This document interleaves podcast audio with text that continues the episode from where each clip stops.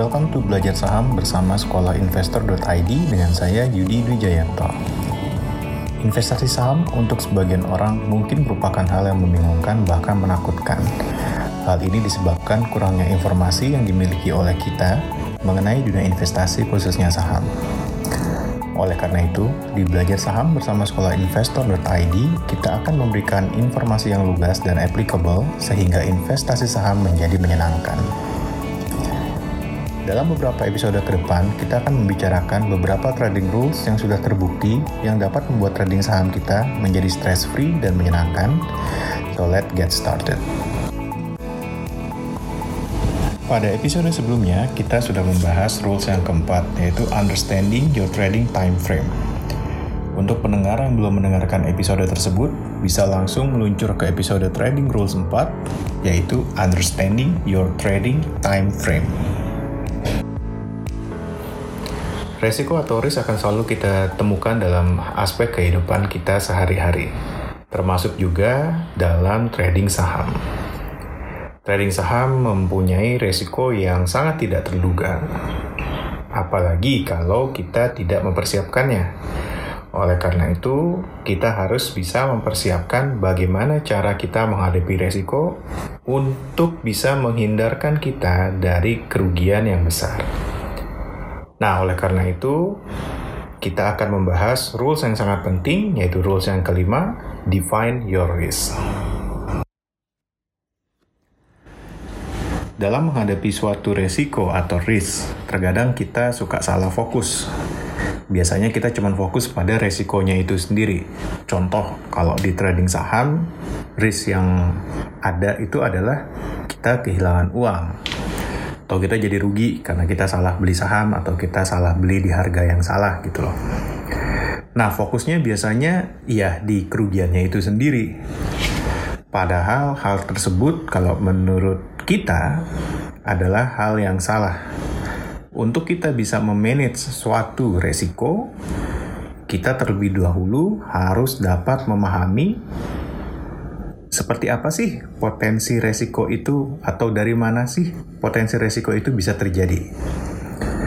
Lalu yang kedua, kita harus membuat strategi untuk mengatasi setiap potensi resiko yang sudah kita identifikasi tadi. Jadi kalau kita rugi pada saat trading saham, yang harus kita lakukan pertama kali adalah kita menganalisa dari mana potensi atas resiko kerugian itu datang. Oke, jadi kita cari tahu dulu faktor-faktornya itu dari mana aja datangnya kerugian tersebut. Nah, yang pertama itu adalah faktor kematangan emosi si trader itu sendiri. Kenapa faktor kematangan emosi si trader menjadi salah satu contributing factor terhadap resiko? Ya karena memang untuk kita bisa trading, kita harus fokus. Dan supaya kita bisa fokus, kita perlu bisa kontrol emosi kita. Kenapa? Ya trading itu emosional dan itu capek biasanya emotionally. Kenapa? Karena kita akan melihat uh, langsung pergerakan harga di mana tiba-tiba lagi bagus lalu tiba-tiba dia berubah arah menjadi rugi gitu loh. Nah itu uh, sangat menguras emosi kita. Kalau kita nggak bisa mengendalikan emosi kita, kita nggak bisa fokus pada saat trading. Jadinya nanti berpotensi kita menjadi panik, lalu kita bisa uh, panic sell atau panic buy yang itu jadinya akan berkontribusi terhadap kerugian yang akan kita derita. Contributing factor yang selanjutnya itu adalah kesiapan finansial dari si trader itu sendiri.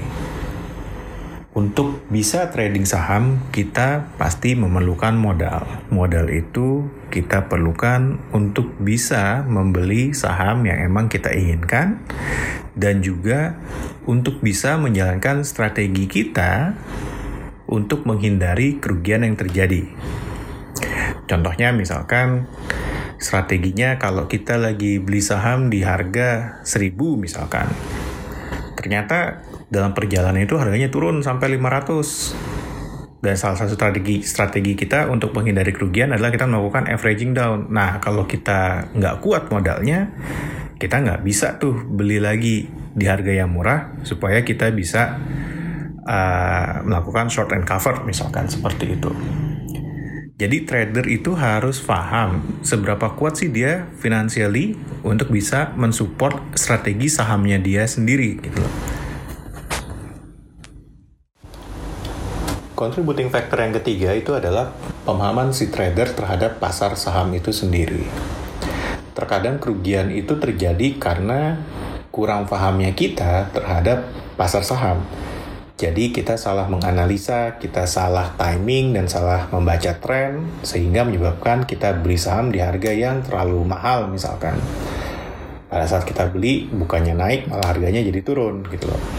Nah, karena keterbatasan pemahaman kita terhadap pasar itu menjadikan kita rugi. Oleh karena itu, pada saat kita mengalami kerugian, yang harus kita lakukan adalah coba kita lihat lagi analisa kita sebelum kita membeli saham itu seperti apa. Ada nggak sih uh, loophole atau potensi kesalahan yang kita lakukan dalam analisa itu sendiri? Langkah selanjutnya setelah kita mengidentifikasi faktor-faktor penyebab kerugian terhadap trading saham kita adalah mencari solusi untuk masing-masing contributing factor tersebut. Kalau misalkan contributing factor tersebut adalah kematangan emosi kita sebagai trader, maka yang harus kita lakukan adalah mencoba untuk bersikap lebih tenang atau lebih mengendalikan emosi kita pada saat kita trading. Kita juga harus menjadi lebih sensitif terhadap emosi kita. Bisa jadi memang di hari itu atau di saat tersebut kondisi emosi kita sedang tidak memungkinkan kita untuk trading saham. Ya, kalau kita merasa seperti itu lebih baik ya nggak usah trading dulu gitu loh. Atau bisa juga kita gabung dengan komunitas yang mempunyai satu visi dengan visi trading saham kita.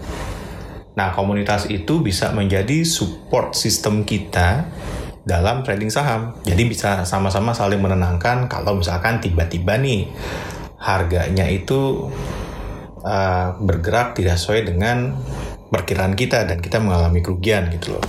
Hal ini bisa menekan tingkat stres kita terhadap kerugian yang kita derita. Jadi itu juga penting kita kalau kita punya support system dalam trading saham. Kalau misalkan contributing factornya itu karena kesiapan finansial, yang harus kita lakukan adalah bagaimana caranya kita bisa memperkuat kondisi finansial kita untuk trading saham. Ada rules of thumb yang selalu uh, kita harus pegang, yaitu only trade with the money you can afford to lose. Jadi anggap aja pada saat kita trading saham itu uangnya emang ya uang yang kita sudah nothing tulus gitu. Jadi kalau misalkan dia hilang ya sudah kita tidak merasakan suatu attachment yang berlebihan terhadap kerugian yang kita derita. Itu salah satu cara kita untuk mengatasi res, uh, potensi resiko dari kesiapan finansial ini sendiri. Dan yang kedua yang harus diingat juga adalah hindari sebisa mungkin untuk trading dengan menggunakan modal dari hutang. Kenapa? Karena kalau kita berhutang untuk modal trading, biasanya itu akan meningkatkan tingkat emosional kita. Apalagi kalau harga bergerak tidak sesuai dengan keinginan kita kita bisa jadi lebih gampang panik karena kita akan memikirkan, aduh nanti uangnya hilang, uh, kita modalnya dari utang, balikinnya gimana? Jadi itu yang harus kita pikirkan juga. Strateginya gimana? Ya mudah aja sebenarnya. Kita trading sesuai dengan dana yang kita punya. Kita bikin suatu trading plan di mana kita bisa membeli tidak langsung terlalu banyak, tapi kita bisa stagger buy. Lalu secara perlahan atau secara bertahap kita tingkatkan kekuatan finansial kita untuk trading saham. Ya, seperti itu. Kalau faktor penyebab kerugian kita itu adalah pemahaman kita atas pasar yang kurang, maka yang harus kita lakukan adalah mengupgrade skill kita terhadap pasar saham. lebih banyak baca buku, lebih sering ikut seminar, gabung dengan komunitas-komunitas saham yang mumpuni, supaya kita bisa selalu mengupgrade ilmu kita terhadap pasar saham. Yang perlu dipastikan di sini adalah bagaimana caranya kita bisa meningkatkan pengetahuan kita terhadap saham dari sumber yang terpercaya? Itu yang paling penting. Kita harus belajar dari sumber yang terpercaya. Nggak bisa kita belajar dari uh, sembarangan orang. Kenapa? Ya kalau kita pengen maju ya kita harus tahu dan kita harus cari sumber pengetahuan yang bisa membuat kita memahami secara komprehensif mengenai hal tersebut. Makanya sangat penting untuk belajar dari sumber yang terpercaya. Nah, setelah semua itu kita define, setelah kita tahu tadi kerugian kita itu datangnya dari mana, lalu setelah kita tahu dia datang dari mana, kita bikin rencana untuk mengatasi uh, faktor contributing dari kerugian itu sendiri. Nah, hal terakhir yang harus dilakukan itu apa? Ya, yang paling gampang, dijalankan rencananya. Karena kalau rencana nggak dijalankan, ya cuma tinggal rencana aja, dan tidak akan memberikan suatu perubahan terhadap kita.